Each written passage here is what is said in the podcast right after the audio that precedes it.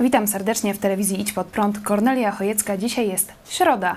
Minęła godzina 18. Czas na program Którędy do Nieba. Dzisiaj porozmawiamy o tym, czy Kościół katolicki czeka nowa reformacja i co to jest właściwie grzech ciężki Kościoła. Przytoczymy komentarz profesora e, księdza Andrzeja Kobylińskiego specjalnie dla telewizji Idź Pod Prąd. A witam serdecznie w studio pastora Pawła Chojeckiego z Kościoła Nowego Przymierza w Lublinie. Witam cię serdecznie. Witam ciebie i państwa bardzo serdecznie. I jest z nami były ksiądz Jerzy. Dzień dobry.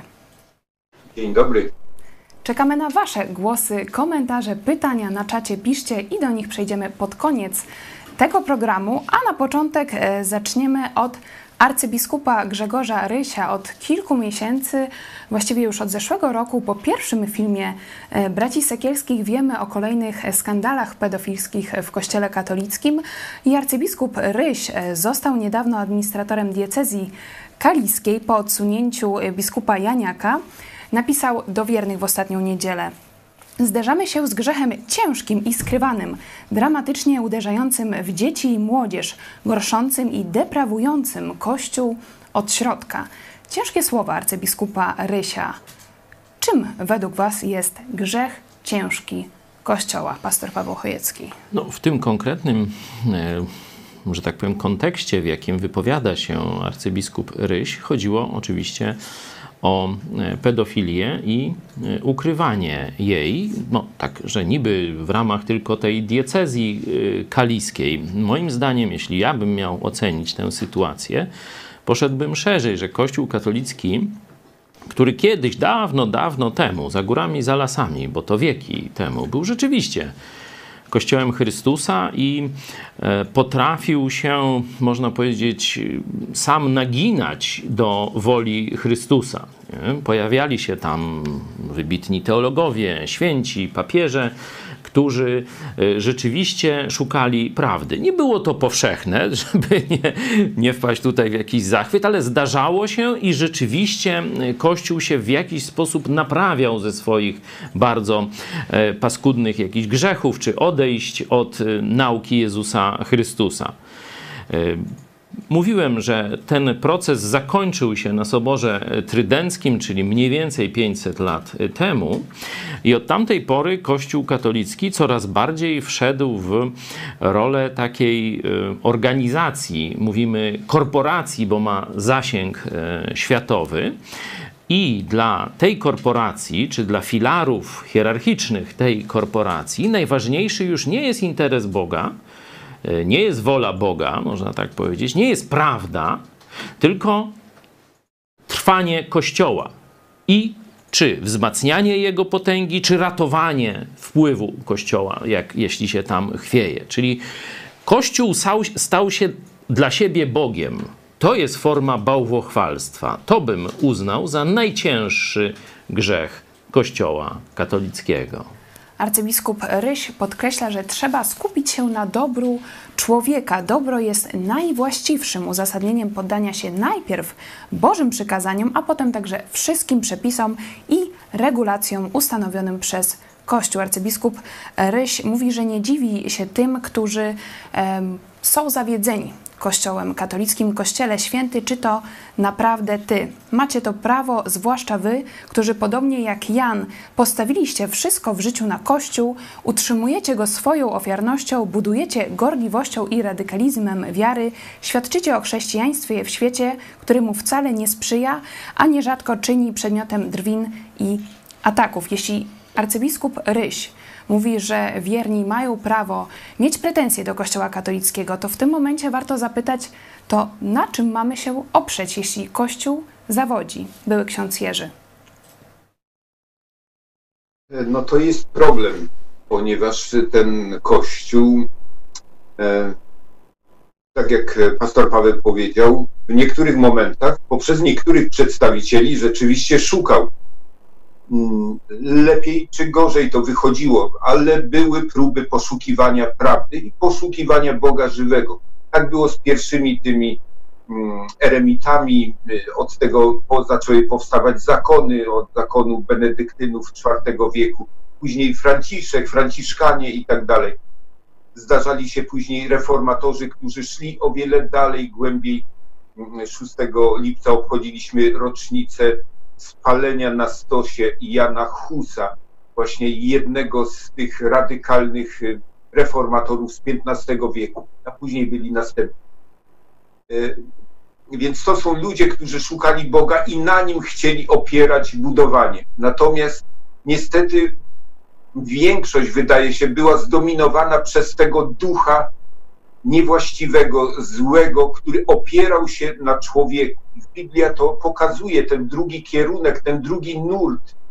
Przeklęty człowiek, który nadzieję pokłada w człowieku, mówi Słowo Boże. A od y, cesarza Konstantyna rozpoczęła się ta linia niechlubna. To papieże ustanowieni, y, urząd ich powstawał w IV, V wieku i dalej, przejęli tą tradycję cesarzy rzymskich, budowali swoją ludzką, swój ludzki mm, y, to znaczenie, urząd i dzisiaj widzimy już wyraźnie kult człowieka. Papież to, to no, otaczany jest czcią. Niestety wydaje się, że szczyt tego nastąpił za, za Jana Pawła II. Więc y, powszechne, dominujące jest to opieranie się na człowieku, oddawanie, skłonność do oddawania nawet czci człowiekowi. To jest ślepa uliczka, to jest y, porażka. Y, arcybiskup Ryś jest tym, który no to jest człowiek wyjątkowy w polskim episkopacie, trzeba powiedzieć, i on w tej chwili jest protegowanym papieża Franciszka. To jest człowiek bardzo ambitny, który wydaje się, że ma wszystko, co jest potrzebne do odniesienia sukcesu dzisiaj w tym kościele, który jest projektowany na nowe czasy. Mm, e, e, warto jemu się przypatrzeć. No, niekoniecznie dobrze to wróży, ale on odegra jeszcze dużą rolę w polskim kościele. Zresztą taką y, rolę próbuje odgrywać również prymas arcybiskup y, Polak. Polak. Wydaje się, że arcybiskup Ryś chce odnowy, szuka rozwiązania, mówi, że Pan daje nam czas, by odkryć na nowo sprawy i postawy fundamentalne. Odpowiedź e, należy znaleźć na zło niedoraźną i obliczoną na nasze kalkulacje, lecz sięgającą po najgłębsze uzasadnienia i przesłanki, dotykającą serca, pokazującą obszary nawrócenia, mówi arcybiskup Ryś. O jakim nawróceniu tutaj trzeba powiedzieć pastor Paweł Chojecki? E, Jurek słusznie zauważył tego hierarchę i myśmy go już w naszych e, programach, chyba w warsztatach biblijnych, wzięli na warsztat e, kiedyś, myślę, że tak ze 3-4 lata temu, kiedy biskup Ryś zaczął dowodzić, że w Kościele katolickim zbawienie jest tylko przez wiarę w Chrystusa. No to by tak upodobniło Kościół katolicki do chrześcijaństwa. Do, mówię chrześcijaństwo, to nazywam tę część kulturową, szeroko rozumianego Kościoła, e, która jest wierna Jezusowi Chrystusowi, bo słowo chrześcijaństwo nie wywodzi się od słowa chrzest, to niekiedy trzeba przypomnieć w Polsce, tylko od słowa Chrystus, czyli chrześcijanin to jest należący do Chrystusa, czyli chrześcijaństwo to jest, to, są, to jest zespół ludzi, którzy idą za Jezusem Chrystusem. Zbiór ludzi, no nie wiem jak to, czy społeczność, o to będzie ładne słowo, nie takie matematyczne, społeczność ludzi, którzy idą za Jezusem Chrystusem, Jego mając za Pana, Jego oczywiście mając za Zbawiciela i Jemu posłuszni. Jemu posłuszni we wszystkim, tak rozumiem e, chrześcijaństwo w tym ścisłym znaczeniu, nie e, kulturowym. No i biskup Ryś mówi o nawróceniu. To dobrze. Nie? Tylko wtedy wykazaliśmy, że e, biskup Ryś no niestety kłamie, bo to właśnie Sobór Trydencki 500 Mówił, lat zdaje temu. się, że protestanci i katolicy tak naprawdę wierzą w to samo, tak, w zbawienie tym, z łaski. No właśnie, w, w tym sensie biskup Ryś kłamie i to, wiecie, no to przecież no to o co była reformacja, o co był podział, o co były te wojny, jeśli wszyscy cały czas to samo mówili. Jednak chyba biskupa 15, 500 lat temu, nie mówili tego samego, no i dlatego nastąpiła schizma. Nie? Zresztą nie pierwsza, bo wcześniej w XI wieku była tak zwana Wielka Schizma Wschodnia. Kościół tamto, chrześcijaństwo podzieliło się na, na ten kierunek wschodni i rzymski, nie?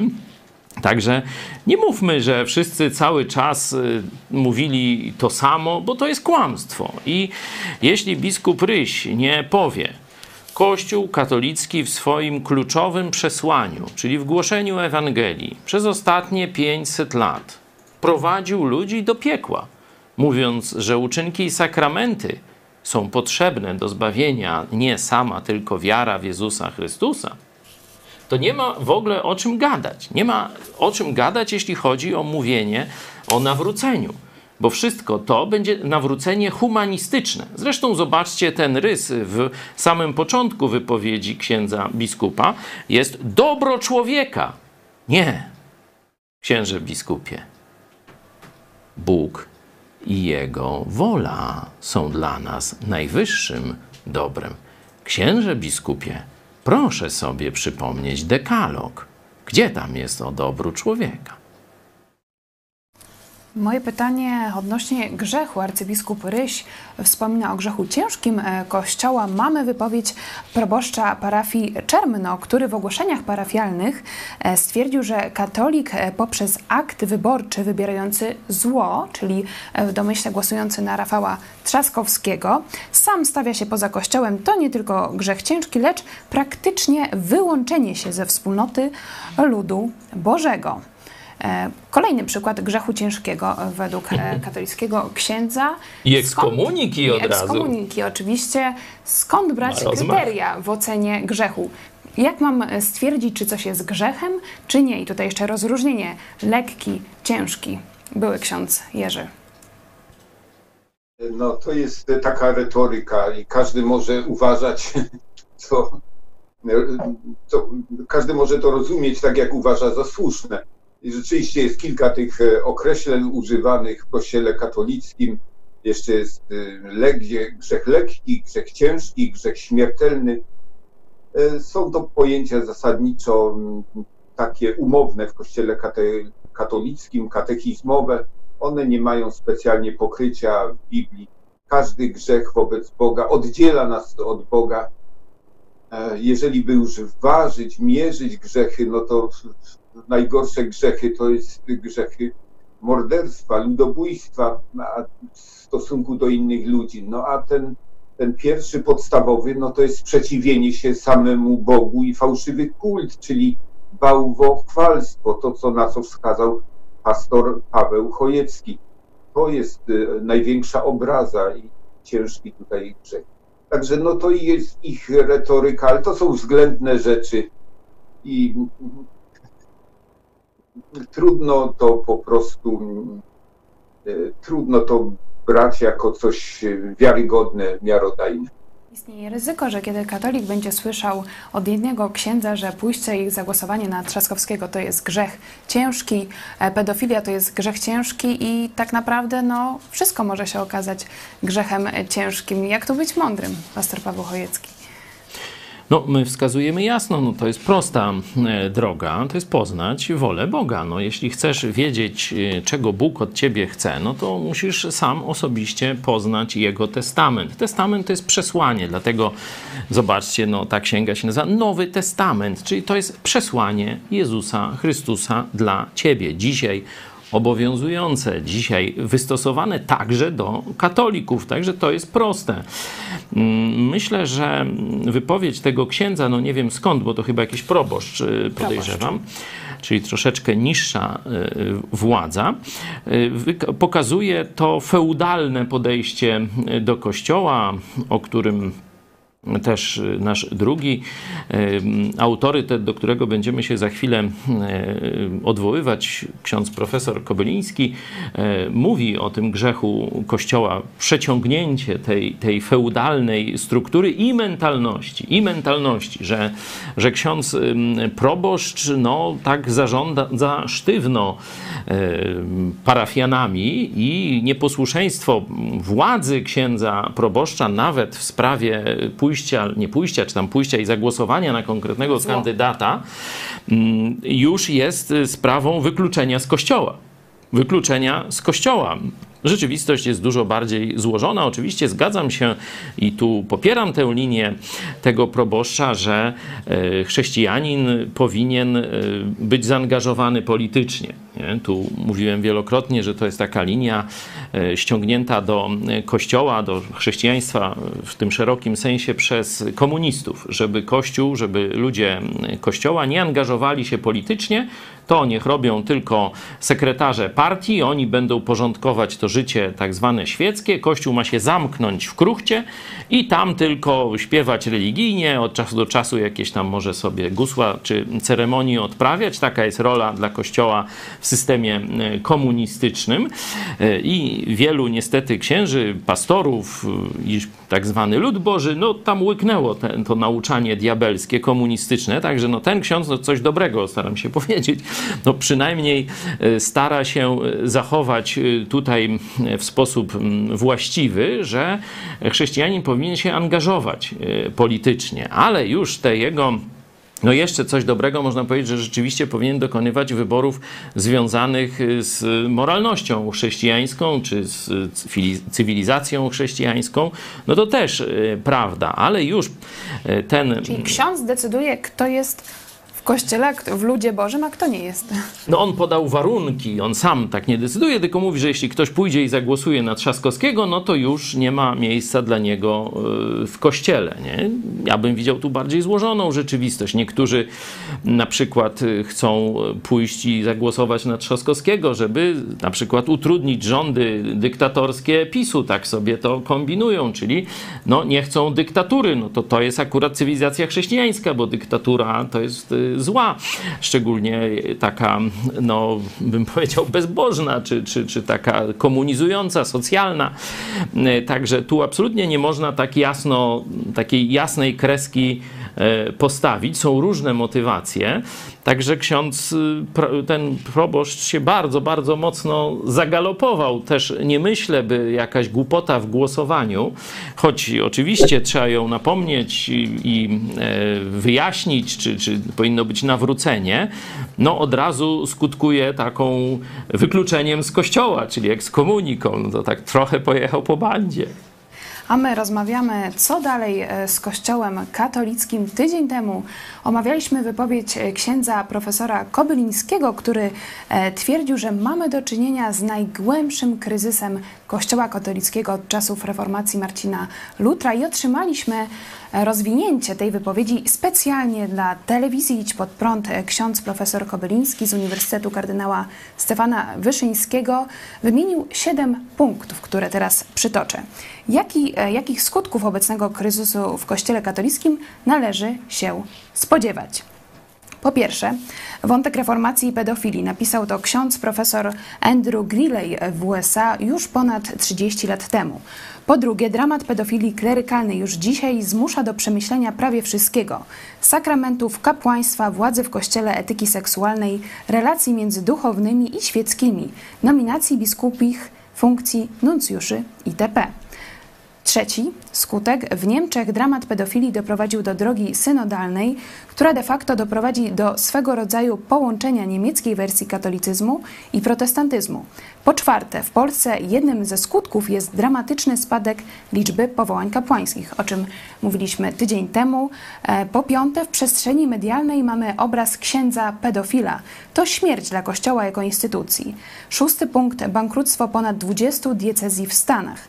7. Skutki doktrynalne, finansowe, duszpasterskie i tym podobne. Bardzo dziękujemy za ten komentarz specjalnie dla telewizji Idź Pod Prąd. Czy chcielibyście się w jakiś sposób ustosunkować do uzasadnienia e, księdza profesora Koblińskiego na temat najgłębszego według niego kryzysu, jaki czeka Kościół katolicki? Pastor Paweł Chojecki no, trzeba by zrobić konferencję specjalną, żeby na każdy z tych punktów księdza profesora no, przygotować jakiś wykład, a potem dyskusję. Stąd nasza rama tutaj jest troszeczkę za ciasna do, do aż takiej mm, polemiki. Um, myślę, że najciekawszym, bo większość tych punktów dotyczy tej sfery duszpasterskiej, czyli takiej powiedzmy poziomej kościoła, nie? że tam nie są sprawy doktrynalne, nie jest ta relacja z Bogiem, z Bogiem, tylko tak y, prawie wszystkie te punkty dotyczą relacji ksiądz, biskup, człowiek. Spadek liczby powołań Tak, też. y, papież i tak dalej. Myślę, że najciekawszy jest ten punkt Trzeci, e, przynajmniej z mojego oczywiście punktu widzenia, nie, dla mnie najciekawszy jest, kiedy już bym chciał referat wygłosić, to na ten trzeci. Czyli połączenie punkt. niemieckiej wersji katolicyzmu i protestantyzmu. Dokładnie tak, bo tu widzimy zmiany doktrynalne. Tu widzimy inną naukę Kościoła. Rzeczywiście, jeśli się przekroczy Odrę, e, nie wiem, czy Państwo wiedzą, że nie ma już spowiedzi praktycznie w Kościele niemieckim. Tej usznej e, praktyki wyznawania grzechów w celu uzyskania ich odpuszczenia. To już po, praktycznie w Kościele niemieckim nie istnieje od pewnie kilkunastu czy kilkudziesięciu lat. To jest poważna zmiana doktrynalna, no, występująca jasno wbrew nauce tradycyjnej, nauce katechizmu Kościoła katolickiego i nauce doktrynalnej też, nie tylko katechizmowej. No a oczywiście bliska, e, bliska biblijnemu podejściu, czy protestanckiemu podejściu, które nie znajduje w Biblii czegoś takiego jak indywidualna spowiedź uszna e, i władza e, księdza do odpuszczania grzechów. Myślę jednak, że tu nastąpi tylko, czy nastąpiło tylko powierzchowne upodobnienie do protestantyzmu, i o tym mówiłem chyba tydzień temu. Tego się najbardziej obawiam, że nastąpi tylko taka powierzchowna e, protestantyzacja Kościoła katolickiego. Ona zresztą troszkę w Polsce e, też ma miejsce. Tu biskup Ryś jest prekursorem właśnie tego, e, ale bez tego fundamentalnego czynnika, czy, czy no nie wiem, jak y, określić słowami nowe narodzenie. Bez tego nie ma chrześcijaństwa. Bez przemiany duchowej. Dokładnie, bez tego nie ma chrześcijanina. Biblia używa tu wręcz takiego bardzo ciężkiego określenia. Jeśli człowiek tylko z zewnątrz zaczyna zachowywać się kościelnie, ale nie ma prze, przemienionej przez Jezusa natury, to nazwany jest świnią, ale umytą. Czyli z zewnątrz następuje przemiana. No świnia zostaje obmyta z gnoja. Przepraszam, no ale to jest język y, biblijny. Możecie sobie e, sprawdzić, że z zewnątrz zostaje z gnoju, z błota umyty, ale dalej jest świnią, czyli zaraz y, no, albo narobi czegoś brzydkiego, albo wejdzie w coś brzydkiego, bo taka jest jego natura. Czyli jeśli zrobimy tylko ten zabieg połączenia protestantyzmu i katolicyzmu na zewnętrznych poziomach, to będziemy mieli nie nowonarodzonych ludzi Jezusa, tylko umyte no i tu sobie dopowiedzcie, co to będzie. To będzie jeszcze gorsze niż teraz praktycznie, bo ci ludzie będą myśleć o sobie, że oni są nowonarodzeni. Podczas gdy w rzeczywistości ich serce dalej będzie pogrążone w grzechu, ich przeznaczeniem dalej będzie piekło. Czyli my, ja nie mówię o nas, tylko o tych, mówię ci, którzy by taki kościół chcieli budować, bo ja jestem jak najdalej, Jurek też od takiego od takiego modelu.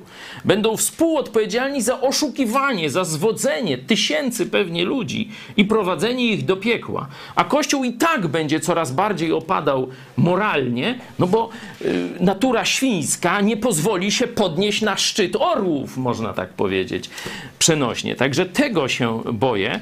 Y, ciekaw jestem opinii Czyli, księdza. powierzchowne połączenie. Dokładnie tak. Księdza Kobylińskiego, jak on widzi zmianę duchową. Jaki przepis ma ksiądz profesor na odnowę duchową Kościoła katolickiego? To jest moje pytanie. Mam nadzieję, że e, za tydzień usłyszymy komentarz e, księdza profesora Kobylińskiego. E, chciałam przytoczyć fragment jego rozmowy z Tomaszem Terdikowskim w książce Tylko prawda nas wyzwoli. Przyszłość Kościoła katolickiego w Polsce. Bardzo ciekawa rozmowa i tam ksiądz profesor Andrzej Kobyliński mówi ukryta schizma istnieje od wielu dziesięcioleci. W przyszłości są możliwe dwa rozwiązania. Pierwsze, że będzie zachowana jedność, nie dojdzie do schizmy, ale będzie zgoda na różnorodność doktrynalną. To będzie swego rodzaju anglikanizacja Kościoła katolickiego. Drugi wariant to realna schizma, czyli formalny podział Kościoła. Można powiedzieć, że jest to rozwinięcie tego trzeciego punktu. Pytanie do byłego księdza Jerzego. Który scenariusz według Pana jest bardziej realny? Anglikanizacja Kościoła katolickiego czy schizma? Moim zdaniem zdecydowanie ten pierwszy scenariusz jest realny, on jest przygotowywany. Proszę zauważyć, Kościół niemiecki zwłaszcza był znany zresztą i z strony protestanckiej, i strony katolickiej, z wybitnych teologów, takich analitycznych teologów w sensie klasycznym. Naprawdę to były tęgie głowy, tęgie mózgi. Dzisiaj nie ma takich osób. Te osoby zostały zmarginalizowane. Ostatnim takim, taką osobą, która odgrywała dużą rolę, był kardynał Ratzinger, późniejszy papież Benedykt XVI. On za sobą pociągnął jeszcze kardynała Millera, który był szefem kongregacji do spraw nauki i wiary, czyli kontynuaturki e, inkwizycji. No ale on też bardzo szybko został pozbawiony swojego stanowiska e, z jakichś tam powodów. Więc dzisiaj kościołem rządzą, wydaje się, no tak jak papież Franciszek, tak jak biskup Ryś, bardziej praktycy, czy osoby, które mają inklinacje filozoficzne, polityczne, w każdym duszpasterze, praktycy, ludzie, którzy nie zaprzątają się specjalnie głęboką mm, analizą teologiczną tego i, i wykładem pisma. E, Zresztą papież Franciszek dobitnie dał temu wyraz. Jan Paweł II to rozpoczął ten nurt, bo przypominam, Jan Paweł II nie był sensu stricte teologiem. Był wszystkim, ale nie był teologiem. Był, był filozofem, był politykiem, był aktorem, ale najmniej z tego wszystkiego teologiem.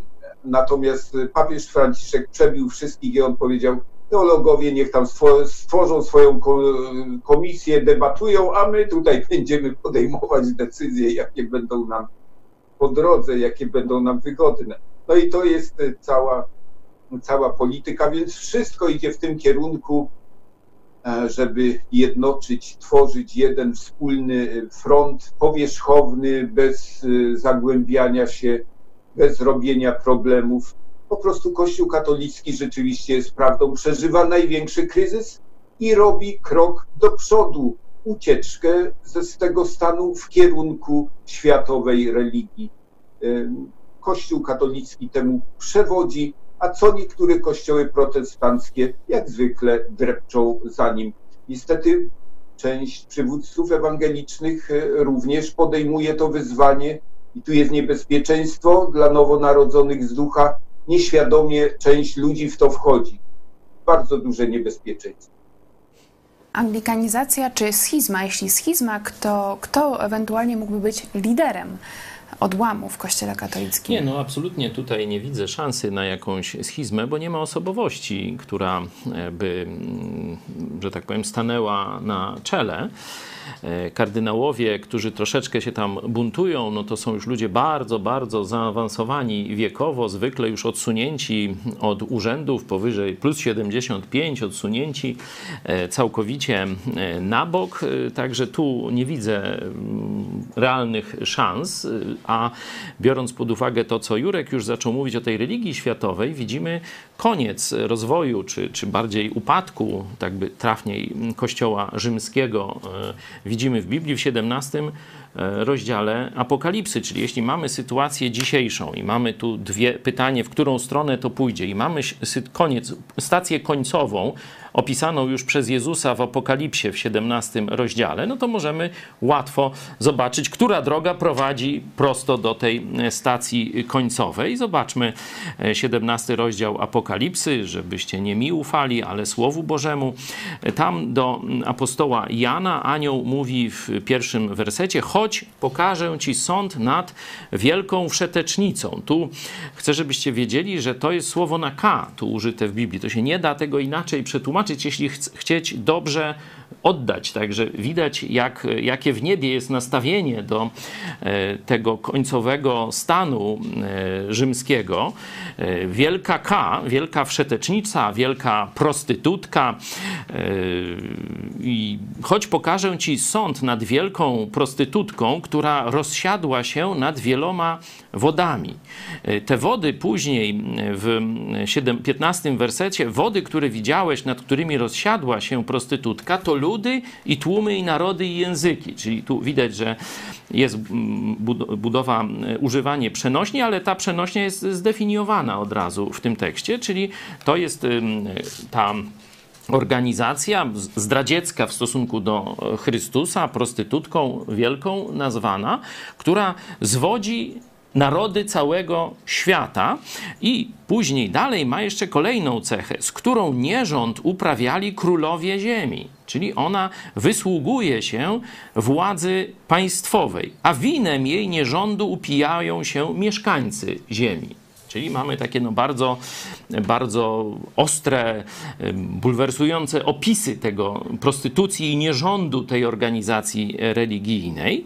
I końcówka tego, no to jest y, właśnie rząd światowy. Zobaczcie, szesnasty werset Apokalipsy mówi, dziesięć rogów, które widziałeś i zwierzę. Tam wcześniej jest to zdefiniowane, że chodzi o dziesięciu królów i jednego dyktatora e, światowego. Ci znienawidzą wszetecznicę i spustoszą ją i ogołocą i ciało jej jeść będą i spalą ją w ogniu.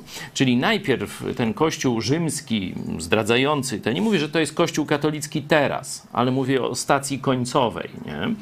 E, kościół z siedzibą w Rzymie, bo tam jest mowa o e, tym mieście e, na siedmiu wzgórzach, które rządzi królami ziemi, to tylko Rzym spełnia to. Zresztą jedyny kościół, jaki się nazywa od miasta, to jest kościół rzymskokatolicki, tak, nomen omen. Także ten kościół z siedzibą w Rzymie, który będzie miał wszechświatowy światowy wpływ, będzie zdradzi kompletnie e, Chrystusa, będzie utrzymanką, można powiedzieć, rządu światowego, umożliwi temu rządowi światowemu dojście do władzy i jego dyktatorowi, to kiedy już wykona swoje dzieło, będzie tak znienawidzony przez e, tych politycznych władców, że go na koniec jako już bezużyteczną e, taką jakąś pozostałość po prostu zostanie zniszczony. O tym wszystkim właśnie jasno Apokalipsa mówi. Także biorąc pod uwagę e, stan obecny i przeszłość ostatnich kilkudziesięciu lat, mniej więcej od Soboru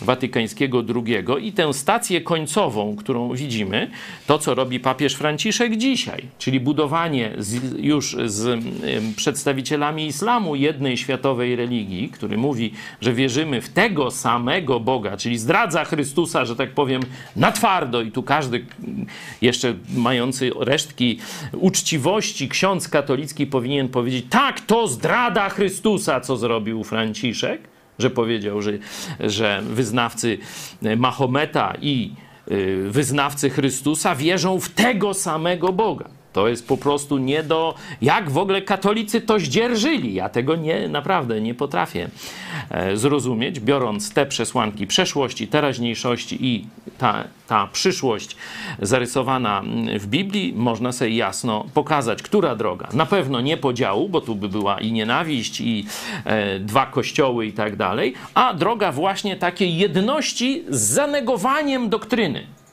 Bardzo ciekawy głos księdza e, profesora Kobylińskiego. Dzisiaj coraz częściej zwycięża zasada dynamicznej interpretacji depozytu wiary bądź podporządkowania doktryny religijnej praktyce duszpasterskiej. To jest część głębokiej reformy papieża Franciszka, czyli widać e, z tego, co mówi ksiądz profesor, że doktryna będzie, jest już podporządkowana praktyce. Czyli celom utylitarnym. No to tak będzie, no to to jest właśnie prostytucja duchowa. Że prawdę wymienia się, czy zamienia się, czy wybiera się w zależności od tego, jaki interes trzeba zrobić. No Jeszcze... bo tak rozumiem słowa księdza profesora. Jeszcze do prawdy na koniec e, wrócimy. Dla kogoś ta apokaliptyczna e, wizja może wyda wydawać się straszna, trudna do wyobrażenia. To teraz poprosimy głos Elmera Yuena, hongkońskiego przedsiębiorcy, który mówi o tym, jak chińscy komuniści szantażują Watykan. Ten papież to komunista. Wszystkie serwery, cały wewnętrzny system komunikacji w Watykanie został zainstalowany przez Huawei. Oni więc kontrolują Watykan. Wydają co roku 2 miliardy dolarów na łapówki dla ludzi w Watykanie. Komunistyczna partia Chin w gruncie rzeczy kontroluje Słowo Boże poprzez Watykan. Jest aż tak źle. Pomiędzy Watykanem a komunistyczną partią Chin jest tajna umowa, według której to Pekin tworzy listę kandydatów na biskupów i kardynałów i papież może wybierać tylko z tej listy. Zdajecie sobie sprawę, jak to jest poważne. Tajna umowa. Dlaczego tajna? Bo papież Franciszek wie, że nie mogą jej ujawnić. Inaczej katolicy będą na niego wściekli. I dodatkowo, skoro kontrolują serwery w Watykanie, a komunistyczna partia Chin kontroluje to za pomocą Huawei, to znają całą komunikację pomiędzy księżmi.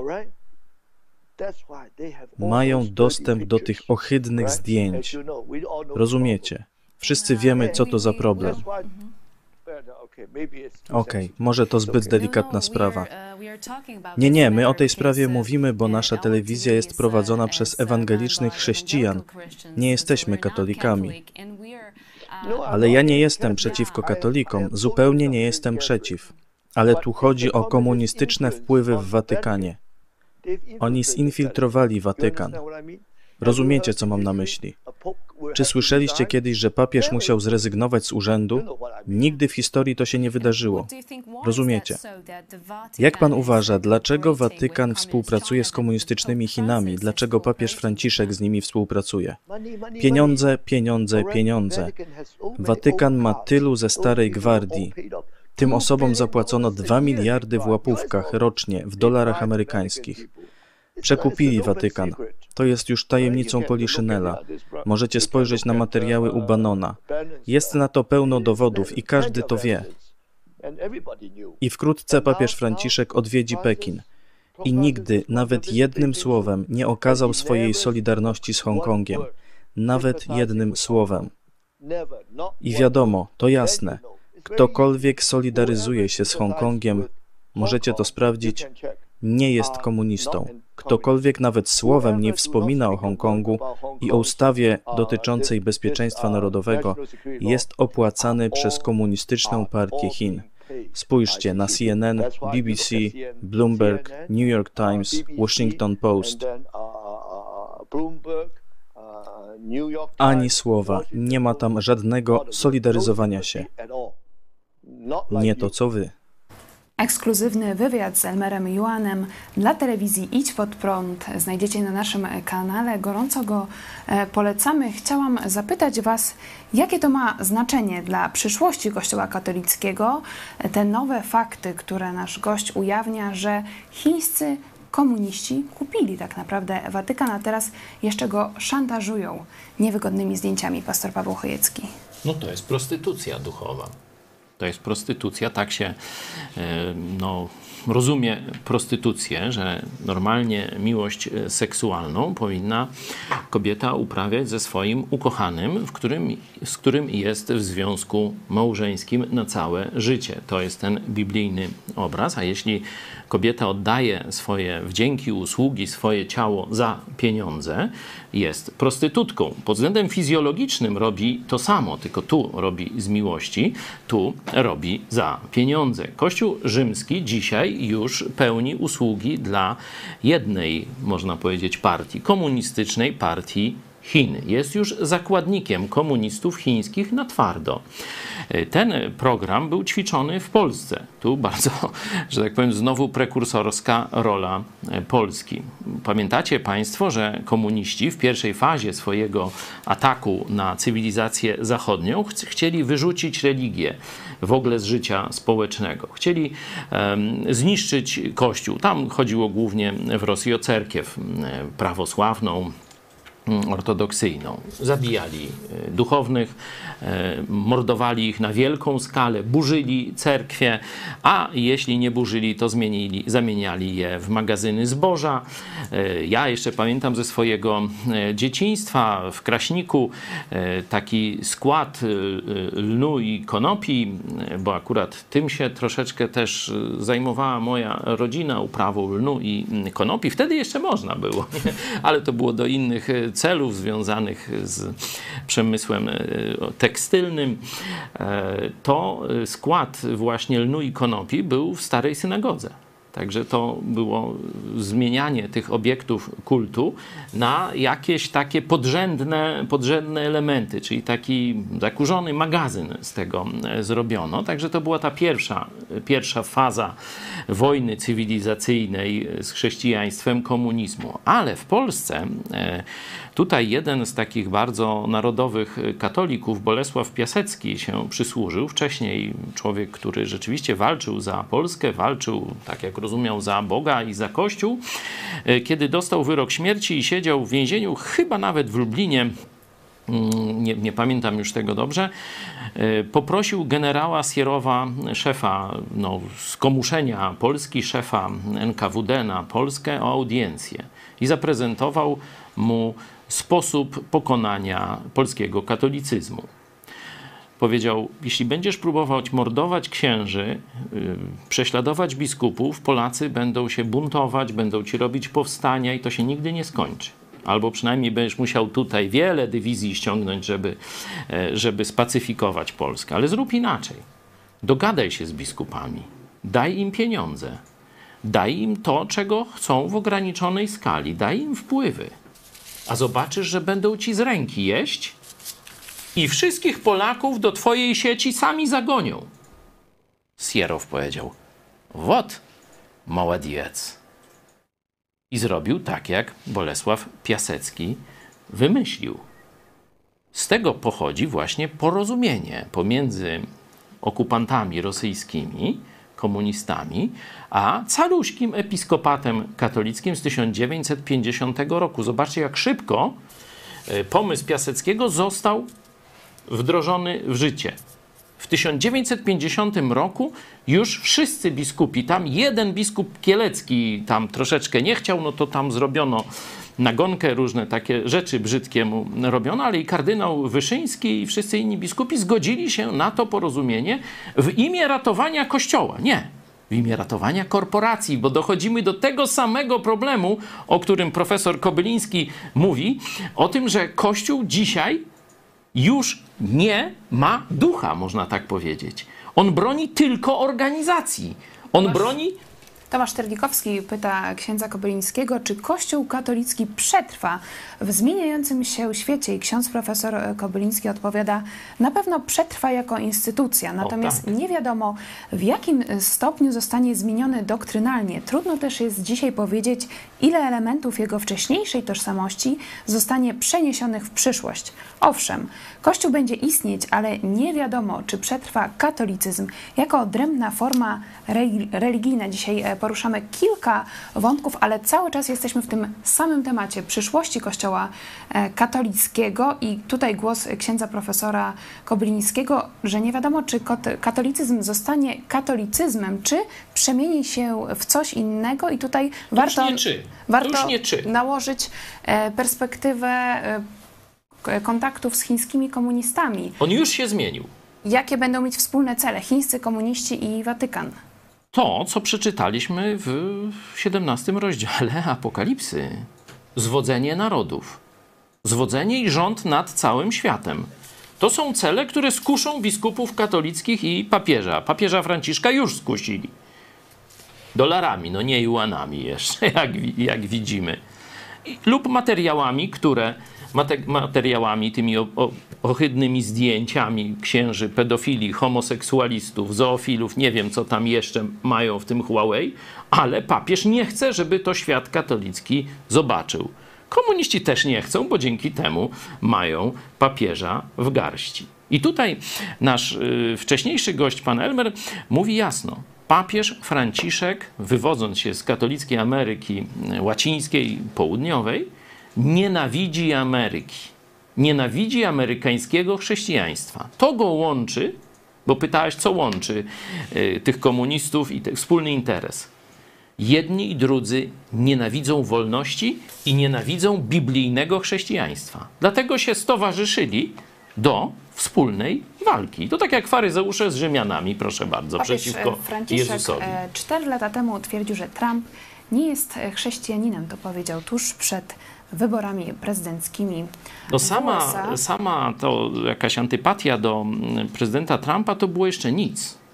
Najgorsze, że on nienawidzi biblijnego chrześcijaństwa. On nienawidzi wszystkiego, co jest związane z zasadami objawionymi w Biblii. Bo on jest humanistą. On jest miłośnikiem, że tak powiem, tego samego, co komunizm. Czyli wierzy, że my sami możemy uczynić świat lepszym bez Boga, bez Jego zasad, bez nawrócenia, bez Jezusa Chrystusa. Dlatego on idzie na współpracę z muzułmanami, dlatego on idzie na współpracę e, z komunistami i on będzie opowiadał, zresztą to robi, te bajki o jednej religii, będzie opowiadał bajki o tym, że apostołowie to byli pierwsi komuniści. Przecież to się wszystko dzieje na naszych oczach. To nie jest przyszłość. To jest przeszłość i teraźniejszość. Czyli pierwszy krok w kierunku prostytucji Kościoła katolickiego został już zrobiony przez papieża Franciszka, a pewnie Jurek rozwinie, że już dużo wcześniej. E, Katolicki publicysta Tomasz Terlikowski podsumowuje, że trzeba pamiętać, że wartością najwyższą musi pozostać prawda. E, W książce Tylko Prawda nas wyzwoli. Może coś optymistycznego dla katolików. Na koniec pytanie do byłego księdza. Co powinni dzisiaj zrobić katolicy, kiedy widzą, że ich kościół katolicki przemienia się powoli, krok po kroku w coś większego, w uniwersalny kościół? Pytanie, czy chrześcijański? Były ksiądz Jerzy. No, wiecie, wiecie Państwo, muszę szczerze powiedzieć, że rozwój sytuacji mnie zaskakuje. Nie wiedziałem, że tak szybko ta sytuacja z chińską firmą w Watykanie naprawdę to jest dla mnie szokujące. Przebiegłość Chińczyków i ta durnota, naiwność e, e, watykańskich urzędników no jest porażająca. Jak można było coś takiego zrobić i pójść na taki. Teraz wszystkich mają strach zbliżyć się do Watykanu. To jest naprawdę zdumiewające. E, Kluczowe rzeczą jest prawdą, na to wskazują i ksiądz y, profesor Kobyliński i y, redaktor Terlikowski. Rzeczywiście pierwszą rzeczą, którą poświęcono, to jest prawda. Papież zdradził prawdę i dlatego mm, została poświęcona wolność. Jedno bez drugiego nie może istnieć. Jezus powiedział prawda, jeżeli ją naprawdę poznamy, i tylko przez Niego jest możliwość poznania prawdy, przez Jezusa, to ona automatycznie wyzwala, prowadzi człowieka do wolności.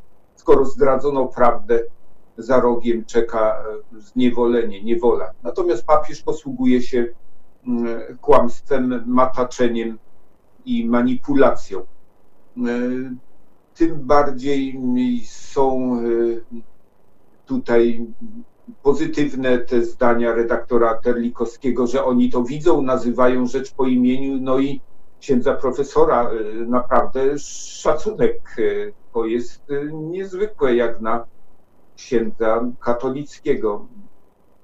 Zresztą z samą uczelnią łączy mnie osobista sympatia. Mój promotor pracował na tej uczelni w Warszawie. Szacunek, tak czy inaczej. Katolicy mogą mieć e, problem w odrzuceniu tego, co mówi papież Franciszek. Przecież w Kościele katolickim jest dogmat o nieomylności papieża w przypadku tego, co mówi ex cathedra. No właśnie, to się bardzo rzadko zdarza. Jest tak, tak zwane takie popularne, ludowe rozumienie tego dogmatu o nieomylności papieża, błędne i nie mające podstaw z nauką katolicką, czyli to, co papież powie, no to, że to jest nieomylne. Nie, nie, to e, aż tak daleko Kościół katolicki w jakimś takim uwielbieniu swojego przywódcy nie, e, nie poszedł. To się mówi, że jeśli wypowie się ex cathedra, czyli w imieniu całego kościoła, w zgodzie tam z biskupami. W rzeczywistości to wtedy nowy dogmat y, ogłasza. I to bardzo rzadko, chyba dwukrotnie w historii te dogmaty maryjne zostały mm, uchwalone.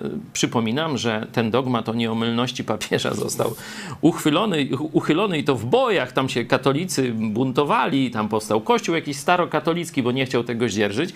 W 1870 roku. No jak to człowiek tam może być nieomylny? No to kucypały są, to, to, to bzdety, to, to wszyscy katolicy wiedzą. Tak, znaczy wszyscy, wszyscy rozsądni, no bo tam część to, to jakoś w to wierzy. E, także tylko dwukrotnie te dogmaty maryjne e, zostały uchwalone właśnie mocą tej nieomylności papieża, a nie na podstawie Biblii, czy przynajmniej nawet wnioskowania biblijnego.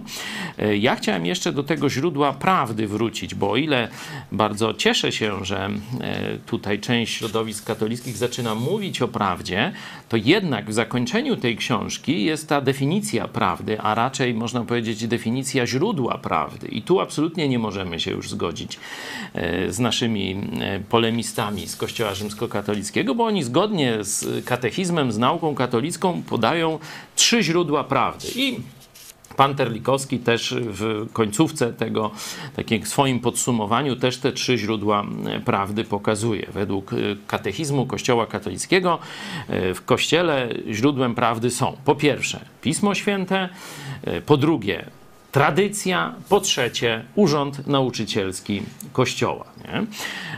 I tu, jeśli wiadomo, co to jest Pismo Święte w przybliżeniu, powiedzmy, bo tu są pewne rozbieżności, ale w to teraz nie wchódźmy, bo co do Nowego Testamentu nie ma tu praktycznie żadnych e, rozbieżności. Tam wczoraj na tym wieczornym czytaniu Biblii pokazywałem jeden werset, który tam Biblia Tysiąclecia wycina, Takie, bo taka ciekawostka. W nie Biblii pasuje. Tysiąclecia są wykreślone fragmenty, sprawdźcie. Znaczy, to jeden werset, no ale to tam, to wczoraj możecie sobie zobaczyć ten Biblia odcinek.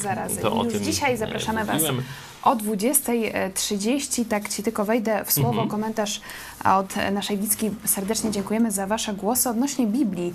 Małgorzata Krawczyk niedługo zaczną mówić, że Biblia to zbiór mitów i oni będą pisać nowe manifesty i rozporządzenia. A to już mówią, to już mówią. Papież Franciszek, kiedy mówił o e, opisie stworzenia, to powiedział, że to jest mit. Co to, wy wierzycie, że Bóg o, powiedział i już się stało? Jak jakiś czarodziej stoliczku nakryj się? O tak właśnie mówi, czyli zrównał opis stworzenia z Księgi Rodzaju z e, legendami na temat stoliczku nakryj się. To są słowa Franciszka, nie cytuję dosłownie, ale coś takiego powiedział. Ale jeszcze te- te trzy źródła nie są na równi w Kościele katolickim. Y, rzeczywiście najwyższym wcale nie jest Pismo Święte, tylko Urząd Nauczycielski Kościoła. Czyli to, co dany przywódca Kościoła, czy przywódcy Kościoła teraz uznają za e, prawdę, ale najciekawsze jest, że o ile Pismo Święte jest zdefiniowane, wiemy, co to jest, o ile tradycja jest niezdefiniowana. Nie ma, kiedyś e, w takiej dyskusji jeden katolik podszedł do księdza i mówił, proszę księdza, to gdzie ta tradycja jest spisana? Nie, nie, nie ma takiego zbioru. Stąd dotąd to jest tradycja i ona nas obowiązuje. Go tam się wybiera z tej tradycji, co sobie który papież czy teolog będzie chciał, czyli z tak zwanych ojców kościoła, z jakichś innych I tam tutaj wypowiedzi. zastosowania, zastosowania dla katolików, żeby znaleźć, e, co to jest e, tradycja, zdefiniować i jeśli prawda ma nas wyzwolić, to po pierwsze musimy wiedzieć, co to jest prawda. I właśnie do tego zmierzam, bo Urząd Nauczycielski Kościoła kiedyś jeszcze definiował prawdę dla katolików, a dzisiaj, tak jak mówi mm, profesor Kobyliński, ksiądz profesor, e, już zrezygnował z tej roli. Już jest, można powiedzieć, wolna Amerykanka, że tu ten kościół niemiecki sobie będzie tak definiował prawdę, kościół tam afrykański tak, kościół w Polsce nie będzie wiedział w ogóle, jak zdefiniować i tak dalej, i tak dalej. Czyli wchodzimy w e, sytuację, gdzie papiestwo już tylko zarządza politycznie, można powiedzieć, czy organizacyjnie katolicyzmem, a absolutnie wycofuje się od definiowania prawdy. Czyli katolicy zostali zostawieni na lodzie, można powiedzieć, jeśli chodzi o to, w co mają wierzyć. Ale Bóg nie zostawił was na lodzie. Zobaczcie, apostoł Paweł, jak w dziejach apostolskich w 20 rozdziale żegna się z chrześcijanami i ich biskupami w Efezie. I mówi, od 30 wersetu, że przyjdą różni fałszywi nauczyciele. Będziecie miotani przeróżnymi podziałami, kontrowersjami i tak dalej. Nie będzie wiadomo o co chodzi niekiedy. Ale zobaczcie, jakie daje rozwiązanie w 32. Po pierwsze, tam wzywa do y, czujności, a później mówi: 32 werset. A teraz poruczam was Panu. To sam Jezus jest pasterzem swojego kościoła. Nie potrzebuje zastępców tutaj na ziemi. A teraz poruczam was Panu i słowu łaski Jego, które ma moc zbudować i dać wam dziedzictwo między wszystkimi uświęconymi. Czyli mamy źródło prawdy. To jest właśnie prawda apostolska. Czyli jeśli katolicy chcą być w kościele apostolskim, to muszą uznać, że jest jedna prawda.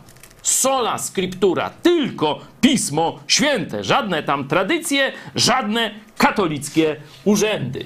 Tyle. Proste, ale dla niektórych za trudne. A już za chwilę o 20.30 Biblia w czasie zarazy, czyli narodowe czytanie Biblii, właśnie dzieje apostolskie jeszcze głos od Magoga chyba pali się w polskim kościele katolickim, a ryś jest od ugaszenia tego pożaru. Tak, tylko nie ma wody do gaszenia. Praktycznie e, podpali jeszcze bardziej.